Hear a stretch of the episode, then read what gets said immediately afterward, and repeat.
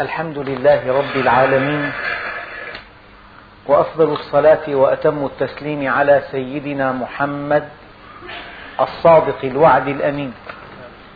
اللهم لا علم لنا إلا ما علمتنا إنك أنت العليم الحكيم. اللهم علمنا ما ينفعنا وانفعنا بما علمتنا وزدنا علما. وأرنا الحق حقا وارزقنا اتباعه. وأرنا الباطل باطلا وارزقنا اجتنابه. واجعلنا ممن يستمعون القول فيتبعون أحسنه وأدخلنا برحمتك في عبادك الصالحين.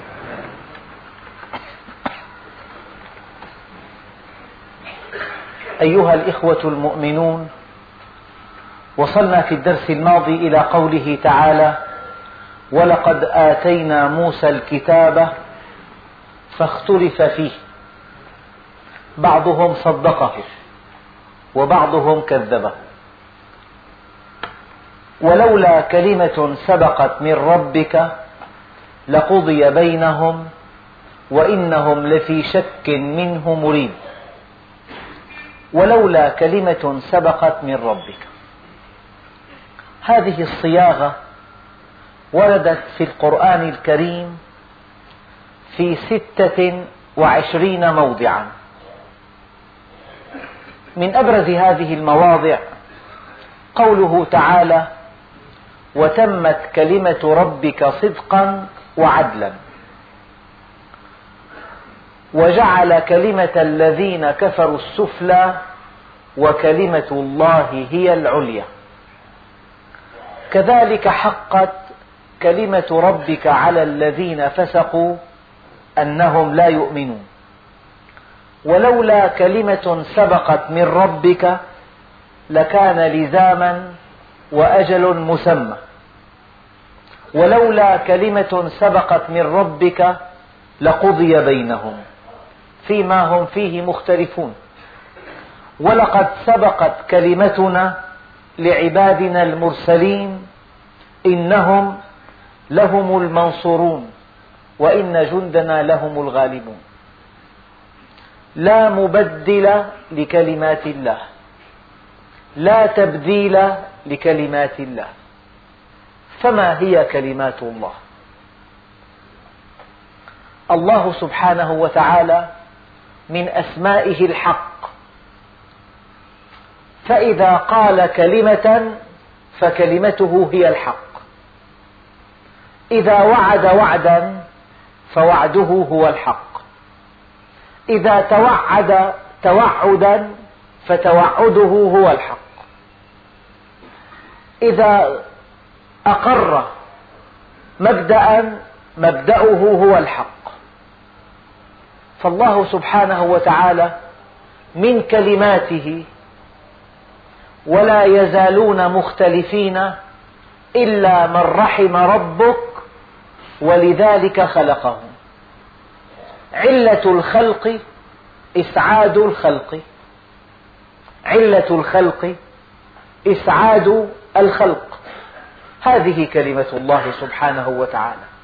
لذلك ليس الهدف أن يعاقب خلقه بذنوبهم ولكن الهدف أن يسعدهم بأعمالهم الصالحة. لذلك كان حليما عليهم. لذلك كان رؤوفا بهم. لذلك يطاولهم. لذلك يمهلهم. لأن كلمة الله اقتضت أنه خلقهم ليسعدهم. المعلم الذي يضيق ذرعا بطالبه ويحاسبه على كل غلطة حسابا عسيرا إلى أن يخرجه من المدرسة في أسبوعين ليس معلما. الهدف الأكبر إسعاد الخلق. لولا هذا الهدف لقضى الله بين عباده فيما هم فيه يختلفون. لولا هذا الهدف العظيم لعجل لهم العقاب. لولا هذا الهدف لأهلكهم. لولا هذا الهدف لقصم الكافرين.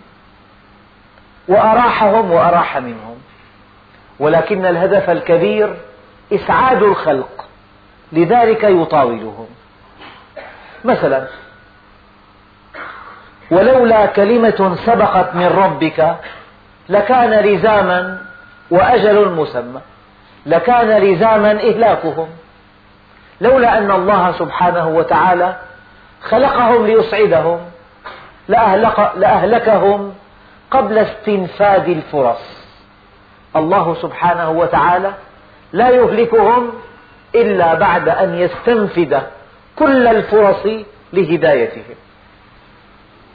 ولولا كلمة سبقت من ربك لكان لزاما إهلاكهم وأجل مسمى. ولولا كلمة سبقت من ربك لقضي بينهم وانتهى الأمر. إذا هذه الكلمة التي ورد ذكرها في القرآن كثيرا أن علة الخلق إسعاد الخلق. يعني سبب الخلق إسعادهم. لذلك ليس الهدف أن يعاقبهم بل الهدف أن يهديهم. من هنا كان الحلم. من هنا كانت الرحمة. من هنا كانت المطاولة. عبدي لو جئتني بملء السماوات والأرض ذنوبا غفرتها لك ولا أبالي. لو قال العبد يا رب وهو راكع لقال الله لبيك. لو قال العبد يا رب وهو ساجد لقال الله لبيك. لو قال العبد يا رب وهو عاص لقال الله لبيك ثم لبيك ثم لبيك. يعني أتمنى أن تكون هذه الفكرة قد اتضحت لكم. الهدف إسعاد الخلق وليس الهدف أن يأخذهم على ذنوبهم أن يأخذهم بمعاصيهم. ولولا كلمة سبقت من ربك لكان لزاما إهلاكهم ولقد آتينا موسى الكتاب فاختلف فيه. ولولا كلمة سبقت من ربك لقضي بينهم وإنهم لفي شك منه مريب. حسن الظن بالله ثمن الجنة. أنا عند ظن عبدي بي فليظن بي ما يشاء. وإن كلا لما ليوفينهم ربك أعمالهم إنه بما يعملون خبير. يعني فمن يعمل مثقال ذرة خيرا يره ومن يعمل مثقال ذرة شرا يره. مهما بدا لك هذا العمل صغيرا فالله سبحانه وتعالى سيثيب عليه. ومهما بدت لك هذه المخالفة يسيرة فالله سبحانه وتعالى سيحاسب عليها. يا رسول الله أحد البداة قال له عظني وأوجز. فقال عليه الصلاة والسلام فمن يعمل مثقال ذرة خيرا يره ومن يعمل مثقال ذرة شرا يره فقال هذا البدوي قد كفيت. فقال عليه الصلاة والسلام فقه الرجل. لم يقل فقه الرجل فقه بمعنى عرف الحكم لكن فقه بمعنى صار فقيها. فقه الرجل أي صار فقيها. وإن كلا لما بمعنى إلا ليوفينهم ربك أعمالهم. إنه بما يعملون خبير. يعني هذا العمل يعرف الله حجمه ويعرف نواياه. ويعرف كم بذل من أجله ويعرف هدفه ويعرف باعثه ويعرف وقائعه ويعرف عنه كل شيء إنه بما يعملون خبير. أحد أصحاب النبي عليه الصلاة والسلام رأى النبي عليه الصلاة والسلام في المنام فقال يا رسول الله قلت إن هودا شيبتك. فما الذي شيبك من هود؟ أخبار الأمم فيها وهلاكهم؟ قال لا. ولكن الذي شيبني قوله تعالى فاستقم كما أمرت ومن تاب معك. لذلك الآية التي تلت تلك الآية فاستقم كما أمرت ومن تاب معك ولا تطغوا إنه بما تعملون بصير. فاستقم كما أمرت. الأمر للنبي عليه الصلاة والسلام أولا ولأمته ثانيا. والأمر هو الشرع. والأمر هو القرآن. هذا الكتاب الذي بين أيدينا. وهذا الشرع الذي شرفنا الله به هو الأمر.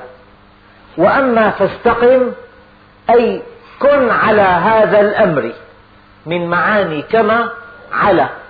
فاستقم على هذا الأمر. وكما تعلمون أن بين نقطتين لا يمر سوى مستقيم واحد. فالاستقامة تعني أن التطابق التام مع أمر الله سبحانه وتعالى. فاستقم كما أمرت. الحقيقة أن الاستقامة أخطر شيء في الدين. في الدين صلاة وفي الدين صيام وفي الدين حج وفي الدين زكاة وفي الدين عبادات أخرى. ولكن الاستقامة أخطر ما في الدين. لأنه إذا تصورنا أن طريقا إلى الله سبحانه وتعالى. كل مخالفة يرتكبها المسلم إنما هي عقبة كؤود في طريقه إلى الله سبحانه وتعالى. وحجم هذه العقبة بحجم معصيته. فكلما كبرت معصيته كبرت هذه العقبة. لذلك من كان له معصية أو مخالفة عن أمر الله أو زيغ أو تجاوز أو طغيان فإن عقبة كؤود تقف في طريقه إلى الله سبحانه وتعالى. عندئذ لا يجدي مع المعصية شيئا. لا تجدي صلاة. من لم تنهه عن الفح... من لم تنهه صلاته عن الفحشاء والمنكر لم يزدد من الله إلا بعدا لا يجدي الصيام. من لم يدع قول الزور والعمل به فليس لله حاجة في أن يدع طعامه وشرابه. لا تجديه الزكاة. ذلك بأنهم كفروا بالله ورسوله ولا يأتون الصلاة إلا وهم كسالى ولا ينفقون نفقة إلا وهم كارهون. لا يجدي شيء ما دامت الاستقامة معطلة. لذلك المشكلة الكبرى في العالم الإسلامي أن العبادات متوافرة وأن المكتبة عامرة. وأن الجوامع ممتلئة وأن الخطب رنانة وأن اجتماع المصلين صارخ جدا ولكن فقد الاستقامة جعل في طريق المسلمين إلى الله عقبات كؤود. فلذلك إذا أكثرت من ذكر الاستقامة فلأنها أساس الدين. سيدنا عمر يقول من شاء صام ومن شاء صلى ولكنها الاستقامة. أحد الأعراب جاء النبي عليه الصلاة والسلام فقال له يا رسول الله عظني. فقال هذا فقال النبي عليه الصلاة والسلام قل آمنت بالله ثم استقم. فقال هذا الأعرابي أريد أخف من ذلك. فقال النبي عليه الصلاة والسلام إذا فاستعد للبلاء. إن لم ترضى أن تستقيم استعد إذا للبلاء. أنت تطلب من الله الكرامة وهو يطلب منك الاستقامة. ليس الولي الذي يطير في الهواء الطائر يطير في الهواء. وليس الولي الذي يمشي على وجه الماء. ولكن الولي كل الولي هو الذي تجده عند الحلال والحرام. فاستقم كما أمرت. أساس الدين الاستقامة. من دون استقامة لا شيء يجدي. لا شيء يرفع صاحبه. لا شيء ينفع من دون أن تستقيم. لأنك إذا استقمت أزحت كل العقبات التي في طريقك إلى الله عز وجل. معنى دقيق. إذا استقمت أزلت كل العقبات. ماذا بقي عليك؟ بقي عليك التحرك إلى الله عز وجل. ما الذي يحملك إلى الله عز وجل؟ عملك الصالح. فالاستقامة تمهيد للطريق والعمل الصالح دفع لك على هذه الطريق. فكأن الدين يقوم على الاستقامة والعمل الصالح. بالاستقامة تنظف الطريق وبالعمل الصالح تندفع في الطريق. الذي يدفعك أو الذي يرفعك أو الذي يوصلك عملك الصالح. ولكل درجات مما عملوا والعمل الصالح يرفعه فاستقم كما أمرت. استقم كي تزيح العقبات. استقم كي تهتك الحجب. استقم كي تصح الوجهة استقم كي يكون الطريق إلى الله سالكا. إذا أردت أن يكون الطريق إلى الله سالكا فاستقم.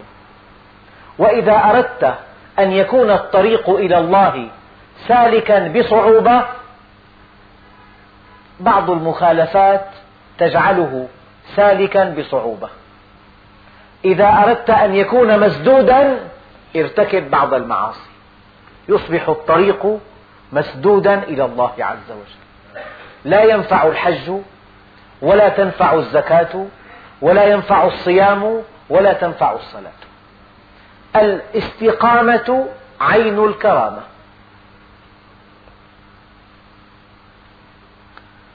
النبي عليه الصلاة والسلام يقول لابن عمر ابن, ابن عمر دينك دينك إنه لحمك ودمك.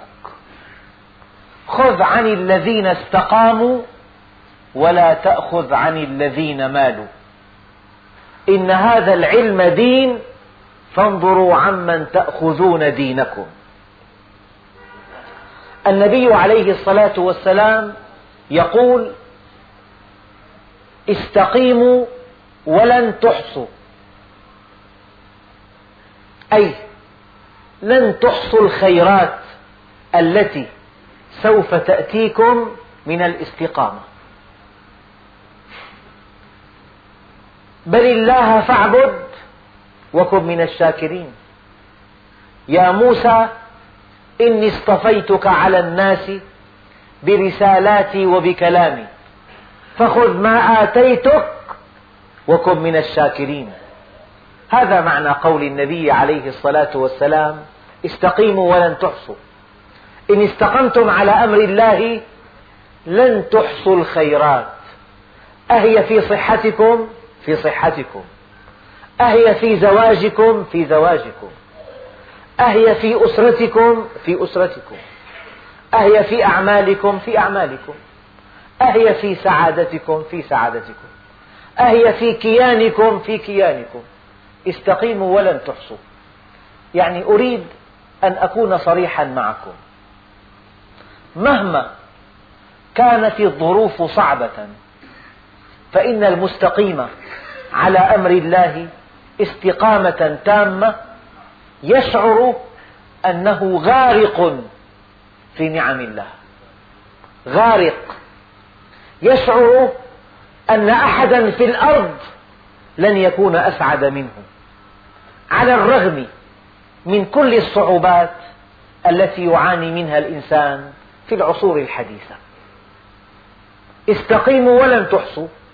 قول النبي عليه الصلاة والسلام سيدنا سعد قال ثلاثة أنا فيهن رجل.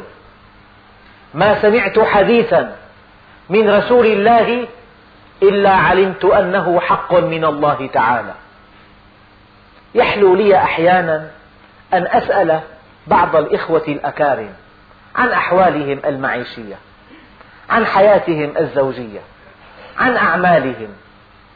الذي يثلج الصدر أن المستقيم منهم يؤكد لك أنه في خير لا يوصف وفي سعادة لا توصف وفي سرور وفي طمأنينة وفي راحة قلبية وفي توكل وأن الله سبحانه وتعالى يعامله معاملة خاصة.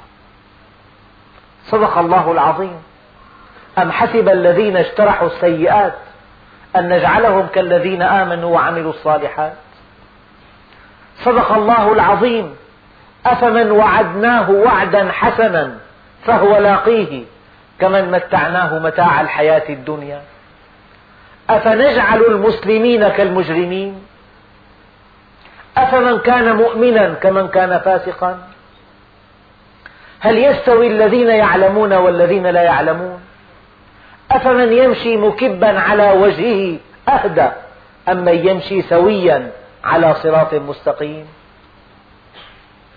أم حسب الذين اجترحوا السيئات أن نجعلهم كالذين آمنوا وعملوا الصالحات؟ حديث واحد. ضعوه في غرفتكم الخاصة. استقيموا ولن تحصوا. قول النبي عليه الصلاة والسلام لك معاملة خاصة. الأمور تدور كلها لمصلحتك. الظروف تهيأ لخدمتك. الأعداء يعملون لإكرامك وهم أعداء. ينادى له في الكون أنا نحبه. فيسمع من في الكون أمر محبنا. أطع أمرنا. نرفع لأجلك حجبنا فإنا منحنا بالرضا من أحبنا. ولذ بحمانا واحتمي بجنابنا. لنحميك مما فيه أشرار خلقنا. ما من مخلوق يعتصم بي من دون خلقي أعرف ذلك من نيته. فتكيده أهل السماوات والأرض. إلا جعلت له من بين ذلك مخرجا. وما من مخلوق يعتصم بمخلوق دوني. أعرف ذلك من نيته. إلا جعلت الأرض هويا تحت قدميه وقطعت أسباب السماء بين يديه. استقيموا ولن تحصوا. الدين في البيع والشراء. حقيقة الدين تظهر في الأسواق. حقيقة الدين تظهر في البيت الزوجي. حقيقة الدين تظهر في الجوار. حقيقة الدين تظهر في المحاككة بالمال. حقيقة الدين تظهر في السفر. أتعرفه؟ قال نعم. قال هل سافرت معه؟ قال لا. قال هل جاورته؟ قال لا. قال هل حاككته بالدرهم والدينار؟ قال لا. قال أنت لا تعرفه. ائتني بمن يعرفه. هذا هو الدين. من تعريفات النبي عليه الصلاة والسلام الجامعة المانعة الدين المعاملة الدين الورع الدين النصيحة. الدين أن تكون ورعا.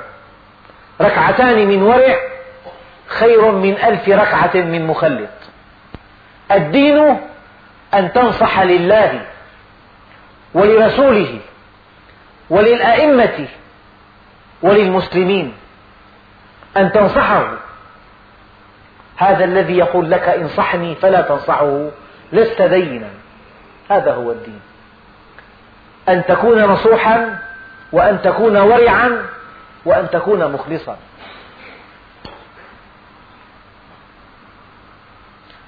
ابن عباس رضي الله عنه قال له أحد أصحابه يا ابن عباس أوصني.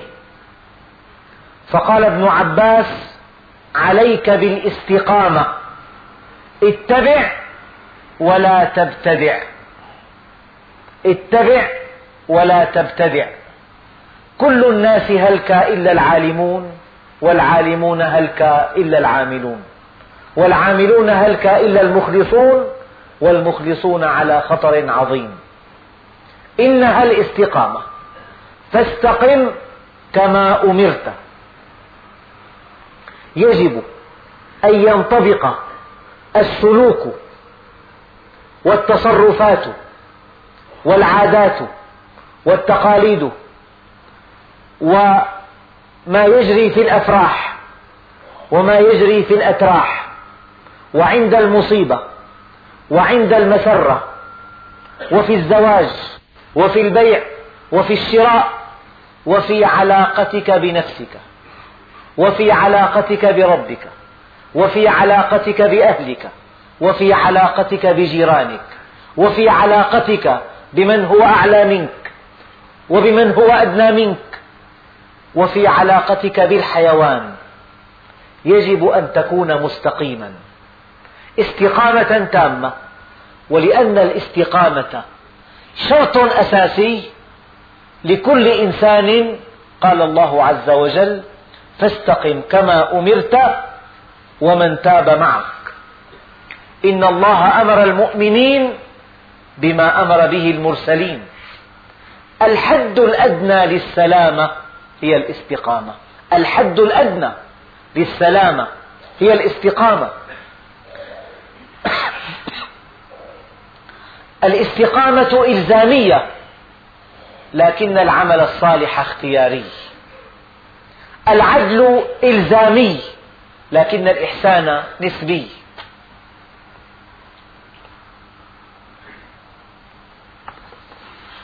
فاستقم كما أمرت ومن تاب معك. ولا تطغوا. الطغيان مجاوزة الحد. قال تعالى إنا لما طغى الماء حملناكم بالجارية. الطغيان مجاوزة الحد. لا تطغى على زوجتك. لا تطغى على ولدك. لا تطغى على جيرانك. لا تطغى على زبائنك. لا تطغى على من يراجعك وأنت خلف المكتب. لا تطغى على أحد. الطغيان منهي عنه بكل مراتبه بكل أنواعه بكل صوره بكل مستوياته. ولا تطغوا. بعض العلماء حمل هذا النهي محملا آخر. إياك أن تزيد في الاستقامة عن حدها الذي أمر الله به. هناك إنسان مثلا يمنع زوجته من أن تظهر أمام صهره. هي طغيان. الله سبحانه وتعالى أحل للصهر أن يرى أم زوجته على التأديب. هذا طغيان. هناك أناس يزيدون عن الحد الذي أمر الله به. إذا كلمة لا تطغوا لها معنيان. إياكم أن تتجاوزوا الاستقامة إلى الانحراف. الخروج. كأن الاستقامة خط مستقيم والخروج عن هذا الخط المستقيم طغيان في كل شيء. إذا اقترضت مبلغا من المال لا تطغى لا تمطل في في رده. إذا أقرضت مبلغا من المال لا تطغى لا تكلف هذا الذي اقترض شيئا فوق الذي اقترض. ينقلب القرض إلى ربا ولا تطغوا. إذا عاملت الزوجة لا تطغى في معاملتها لا تهضمها حقوقها ولا تطغوا بالمعنى الثاني إياك أن تزيد في استقامتك عن الحد الذي أمر الله به. إن لجسدك عليك حقا. هذا الذي يصوم الدهر لا صام. أشدكم لله خشية أنا. كما قال عليه الصلاة والسلام.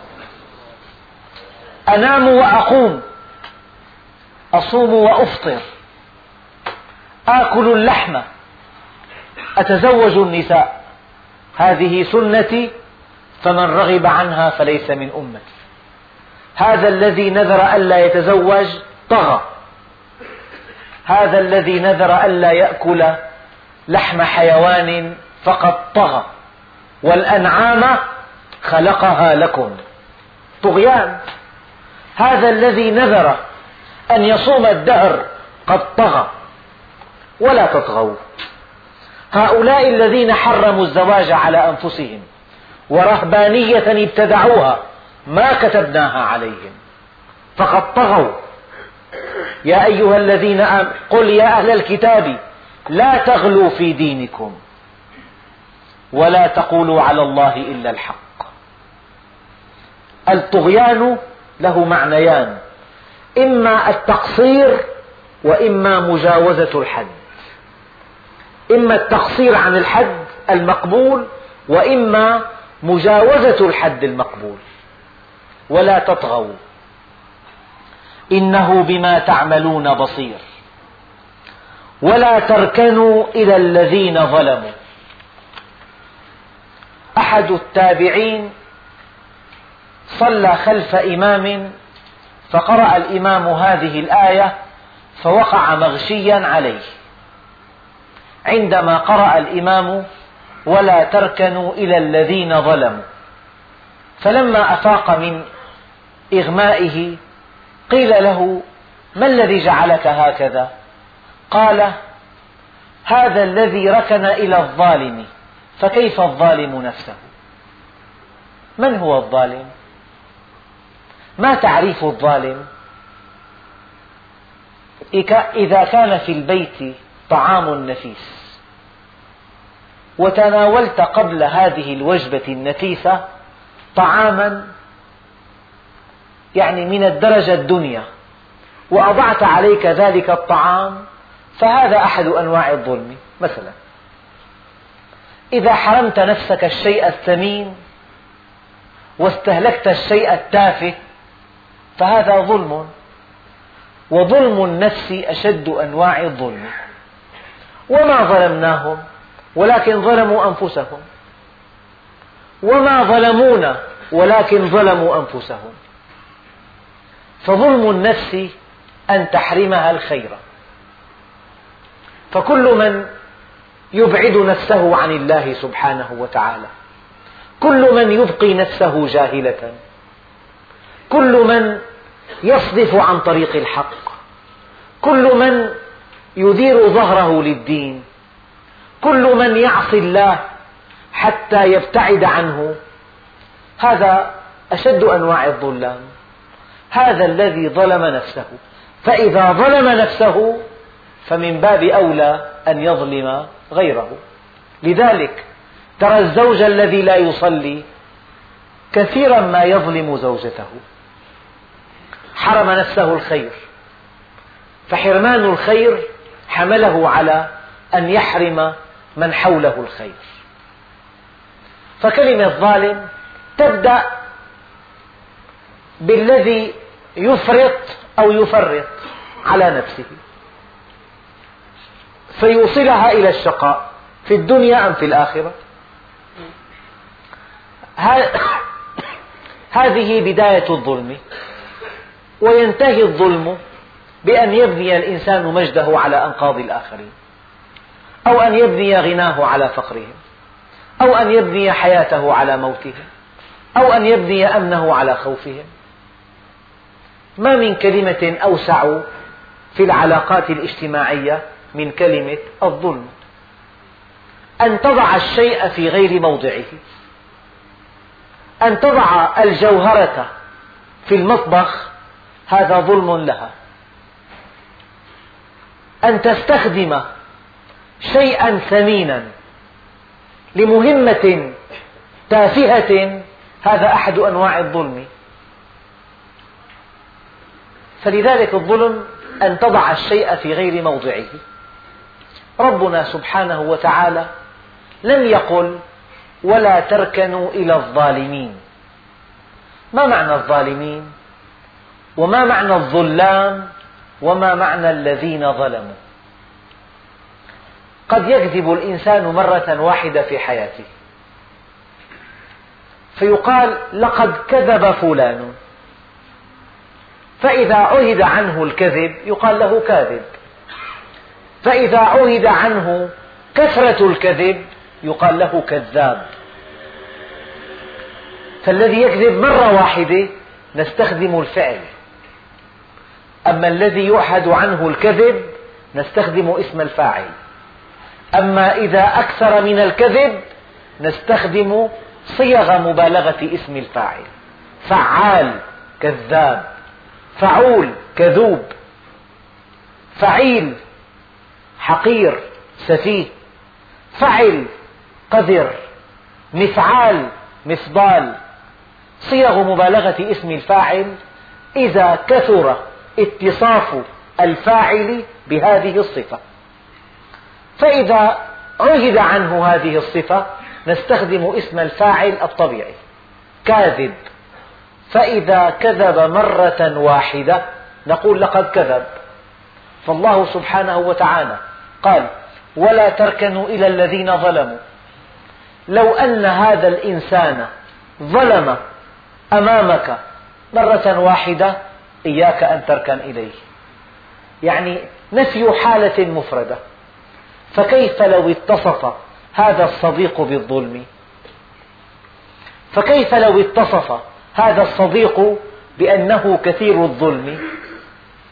اتضح معنى الظلم. أن تضع الشيء في غير موضعه. أن ترخي الحبل للزوجة حتى تطغى عليك. هذا ظلم. أو أن تبالغ في القسوة عليها حتى تسحقها. هذا هو الظلم. أن تضع الشيء في غير موضعه. فالظلم كما قلنا مستويات. أقل مستوياته أن يقع منك ظلم لمرة واحدة. فالنهي ولا تركنوا إلى الذين ظلموا. ما هو الركون؟ هذا بحثه يطول لكن قبل أن نفصل في تركنوا في ولا تركنوا في قوله تعالى فاستقم كما أمرت العلماء قالوا الأمر إذا وجه لمن يطبقه فالمعنى المداومة عليه وإذا وجه لمن لا يطبقه فالمعنى أن يفعله. فإن قلت للكسول أدرس معنى أدرس أي أدرس. أما إذا قلت للمجتهد أدرس معنى ذلك أي داوم على اجتهادك. داوم. فإذا أمرنا الله عز وجل بالاستقامة وكنا مستقيمين فالأمر ينصب إلى المداومة عليها. نعود إلى ولا تركن. العلماء لهم في هذه الكلمة تفسيرات كثيرة جدا. من تعريف الركون إلى الظالم الميل اليسير له. الميل اليسير يعني لك صديق في العمل. لك جار لك قريب ظالم لنفسه لا يصلي. قد يشرب أحيانا. إذا ركنت إليه إذا ملت إليه دعاك إلى غذاء ثمين دعاك إلى نزهة قدم لك هدية ركنت إليه ملت إليه ميلا يسيرا. ما الذي يحصل؟ فتمسكم النار. كيف؟ بعد قليل. أما الآن ما معنى تركنوا ما معنى ولا تركنوا العلماء قالوا ولا تسكنوا ولا تستندوا ولا تعتمدوا على هؤلاء. قال تعالى ومن يتولهم منكم فإنه منهم. إذا ركنت إليهم إذا طاب لك العيش معهم إذا استمرأت نمط معيشتهم فأنت منهم. ومن يتولهم منكم فإنه منهم. ومن يتولهم منكم فليس من الله في شيء. هذا هو المعنى الأول. لا تسكنوا إليهم. لا ترتاحوا لهم. المعنى الثاني لا تطمئنوا إليهم. إن تدعوهم لا يسمعوا دعاءكم. ولو سمعوا ما استجابوا لكم. ويوم القيامة يكفرون بشرككم ولا ينبئك مثل خبير. المعنى الثالث لا تداهنوهم. لا تجاملهم. لا تثني عليهم. لأنك إذا داهنتهم أوهمت الناس أنهم على حق. إذا داهنتهم رفعتهم. إذا داهنتهم حملت الناس على أن يقتدوا بهم. لك صديق لا يصلي. إذا أثنيت على أخلاقه تقول لبق لطيف ناعم أخلاقي. إذا أنت تكفر بالدين. ما دام أخلاقيا وهو لا يصلي إذا ما قيمة الدين؟ شيء لا قيمة له. لا تداهنوهم المداهنة في تعريف العلماء بذل الدين من أجل الدنيا. وأما المداراة بذل الدنيا من أجل الدين. قال عليه الصلاة والسلام بعثت بمداراة الناس دارهم أعنهم قدم لهم خدمة. ابذل من وقتك من جهدك من مالك من خبرتك لهم لعلهم يحبوك.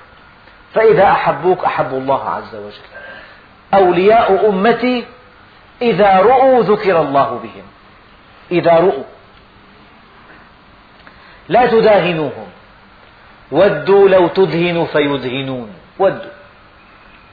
لا تعاونوهم. من أعان ظالما سلطه الله عليه. العقاب العاجل من الله أن هذا الذي أعنته على ظلم سوف تكون أنت الضحية. لا تمدحوهم. إن الله ليغضب إذا مدح الفاسق. يعني لك صديق فاسق لا يصلي إياك أن تمدحه. إياك أن تعاونه على معصية. إياك أن تداهنه. قال لك الصلاة ما لا, ما لا فائدة.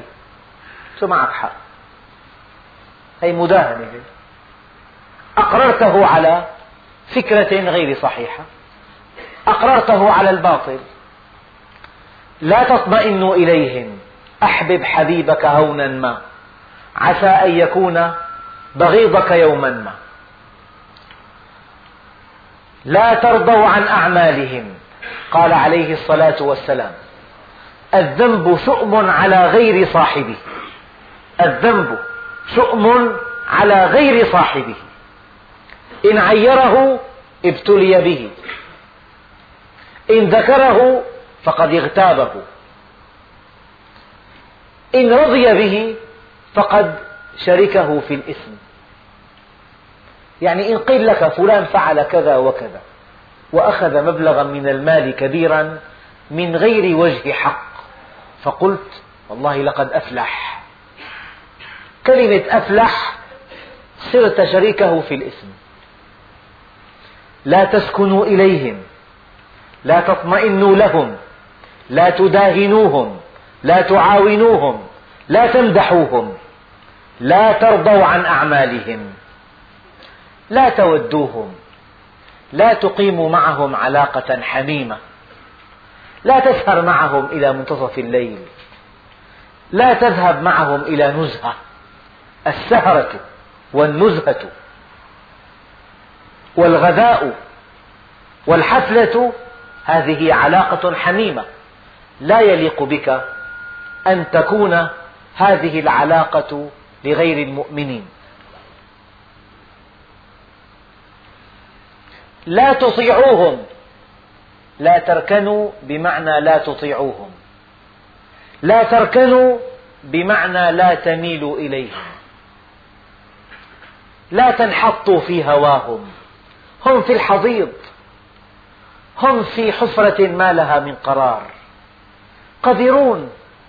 لا تنحطوا إلى قذارتهم. لا تنحطوا إلى دناءتهم. لا تنحطوا إلى أنانيتهم. لا تنحطوا إلى ضيق أفقهم. لا تنحطوا إلى شهواتهم. لا تنقطعوا إليهم. تلتفتون إليهم وتعرضون عن المؤمنين. لا تصاحبوهم لا تجالسوهم لا تزوروهم لا تتشبهوا بهم.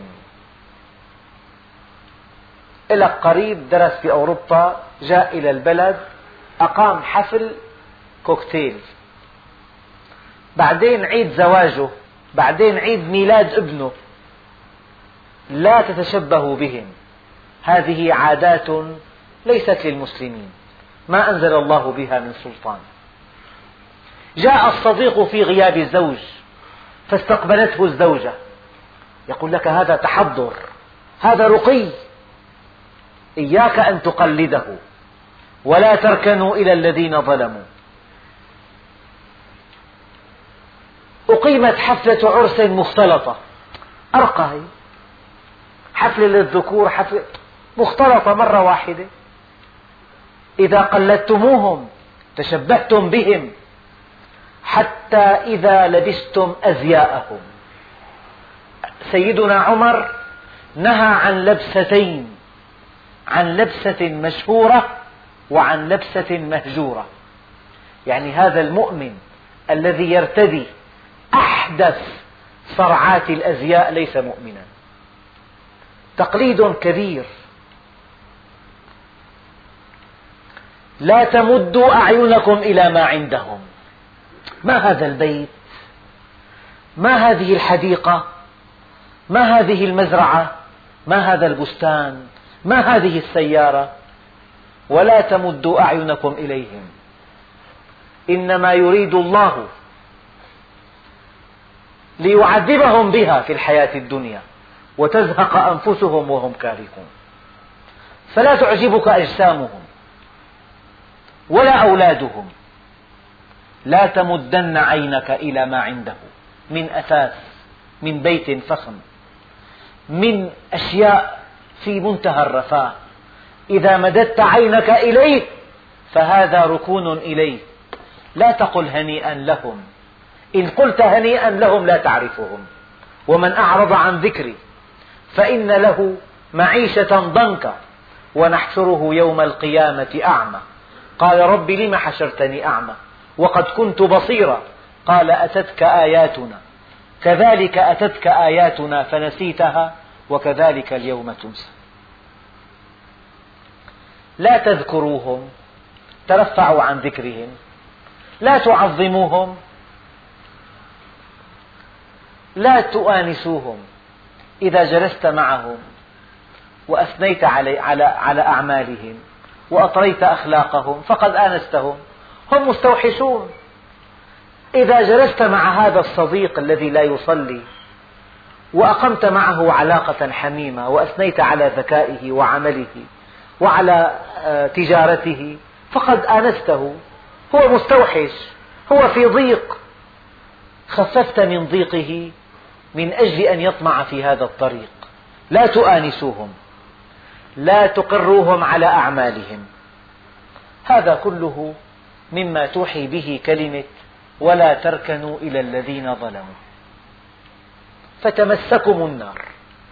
يعني إذا واحد زار صديق لا يصلي أو ظالم لنفسه أو يستخف بالصلاة مثلا أو يأكل مالا حراما أو دخله دخل غير مشروع. إذا زرته وكان في الغرفة مكيف فكيف تمسكم النار؟ غرفته مكيفة باردة جدا. ما معنى تمسكم النار؟ إن في قلبه نار مشتعلة. إن في قلبه نارا مشتعلة. إذا أقبلت عليه إذا اتصلت به إذا أحببته إذا أقمت علاقة بينك وبينه انتقلت النار التي في نفسه إليك. تخرج من عنده من عنده وتحس بالضيق. تضيق بك الدنيا وضاقت عليهم الأرض بما رحبت. هذا الضيق تشعر أن قلبك يلتهب. تشعر أن قلبك يشتعل. ما الذي أصابك؟ لقد ركنت إليه. ولا تركنوا إلى الذين ظلموا. قل يا أيها الكافرون لا أعبد ما تعبدون ولا أنتم عابدون ما أعبد. ولا أنا عابد ما عبدتم. لكم دينكم ولي دين. ولا تركنوا إلى الذين ظلموا فتمسكم النار. يعني إذا اتصلت بهذا الظالم ركنت إليه أحببته ملت إليه سكنت إليه مستك النار المشتعلة في قلبي. نار البعد نار الضياع نار القلق نار الخوف نار الذعر. هذه النار التي في قلبه أصابتك. لذلك بذكر الصالحين تتنزل الرحمة. وإذا ذكرت أهل الفجور تضيق النفس تمسكم النار. وما لكم من دون الله من أولياء ثم لا تنصرون. يعني أنت ركنت إليه لمنفعة مادية ضاقت نفسك وفاتتك المنفعة المادية. ركنت إليه لهدف دنيوي ضاع منك قلبك وضاعت منك دنياك. ولا تركنوا إلى الذين ظلموا فتمسكم النار وما لكم من دون الله من أولياء ثم لا تنصرون. إذا ركن الإنسان إلى هذا الفاسق أصابه ما أصابه. فكيف حال الفاسق نفسه؟ وأقم الصلاة طرفي النهار وزلفا من الليل. إن الحسنات يذهبن السيئات. ذلك ذكرى للذاكرين. واصبر فإن الله لا يضيع أجر المحسنين. فلولا كان من القرون من قبلكم أولو بقية ينهون عن الفساد في الأرض. إلا قليلا ممن أنجينا منهم واتبع الذين ظلموا ما أترفوا فيه وكانوا مجرمين وما كان ربك ليهلك القرى بظلم وأهلها مصلحون ولو شاء ربك لجعل الناس أمة واحدة. قرأت في بعض التفاسير أن, أن الله سبحانه وتعالى لو شاء لجمع الناس كلهم على الهدى. ولكنه لم يشاء. فيا ترى لماذا لم يشاء؟ لو شاء لهدى الناس جميعا. لو شاء لجمعهم على الهدى. لو شاء لجعلهم مؤمنين. لو شاء لجعلهم جميعا من أهل الجنة. ولكنه لم يشاء. لماذا لم يشاء؟ أليس هذا سؤال كبير؟ سؤال لماذا لم يشاء؟ ولو شاء ربك لجعل الناس أمة واحدة ولا يزالون مختلفين إلا من رحم ربك ولذلك خلقهم. وتمت كلمة ربك لأملأن جهنم من الجنة والناس أجمعين. وهذه آية من الآيات المعضلة في القرآن الكريم. تحتاج إلى دقة في النظر وتوجيه سديد وتأويل يتناسب مع أسماء الله الحسنى لو شاء ربك لو نظرت إلى غريق يستجير بك تقول له أنا لو شئت لأنقذتك ولكني لم أشأ هل يرضى عنك؟ يكاد يموت غرقا تقول له وأنت في برود لو, أشأ لو شئت لأنقذتك. أنقذني لم أشأ ذلك. ولو شاء ربك لجعل الناس أمة واحدة. ولا يزالون مختلفين إلا من رحم ربك ولذلك خلقهم وتمت كلمة ربك لأملأن جهنم من الجنة والناس أجمعين. فكروا في هذه الآية خلال هذا الأسبوع. ابحثوا عن إجابة لأسئلة كثيرة. لماذا لم يشأ؟ وما, وما ضر لو آمن الناس جميعا؟ ودخل الناس جميعا الجنة. لماذا لم يكن كذلك؟ لماذا شاء ربك أن يختلفوا؟ لماذا تمت كلمة ربك لأملأن جهنم من الجنة والناس أجمعين؟ حسن الظن بالله ثمن الجنة. أن تحسن الظن بالله فأنت مؤمن. أن تعرف أن أسماءه كلها حسنى فأنت مؤمن. إن كنت كذلك أول هذه الآية. هي وظيفة للدرس القادم. يعني أنت في بحر هذا الأسبوع فكر في هذه الآية. دقق بها. تأملها. ابحث عن خباياها. ابحث عن تأويلاتها. وفق. أول لأنك إذا عرفت مدلولها الحقيقي فأنت مؤمن. أما إذا أخذتها على ظاهرها وأسأت الظن بالله عز وجل لم يشأ لنا الهدى ولكن شاء لنا أن ندخل جهنم. النفس لا ترتاح لهذا المعنى. لا ترتاح لهذا المعنى. والحمد لله رب العالمين.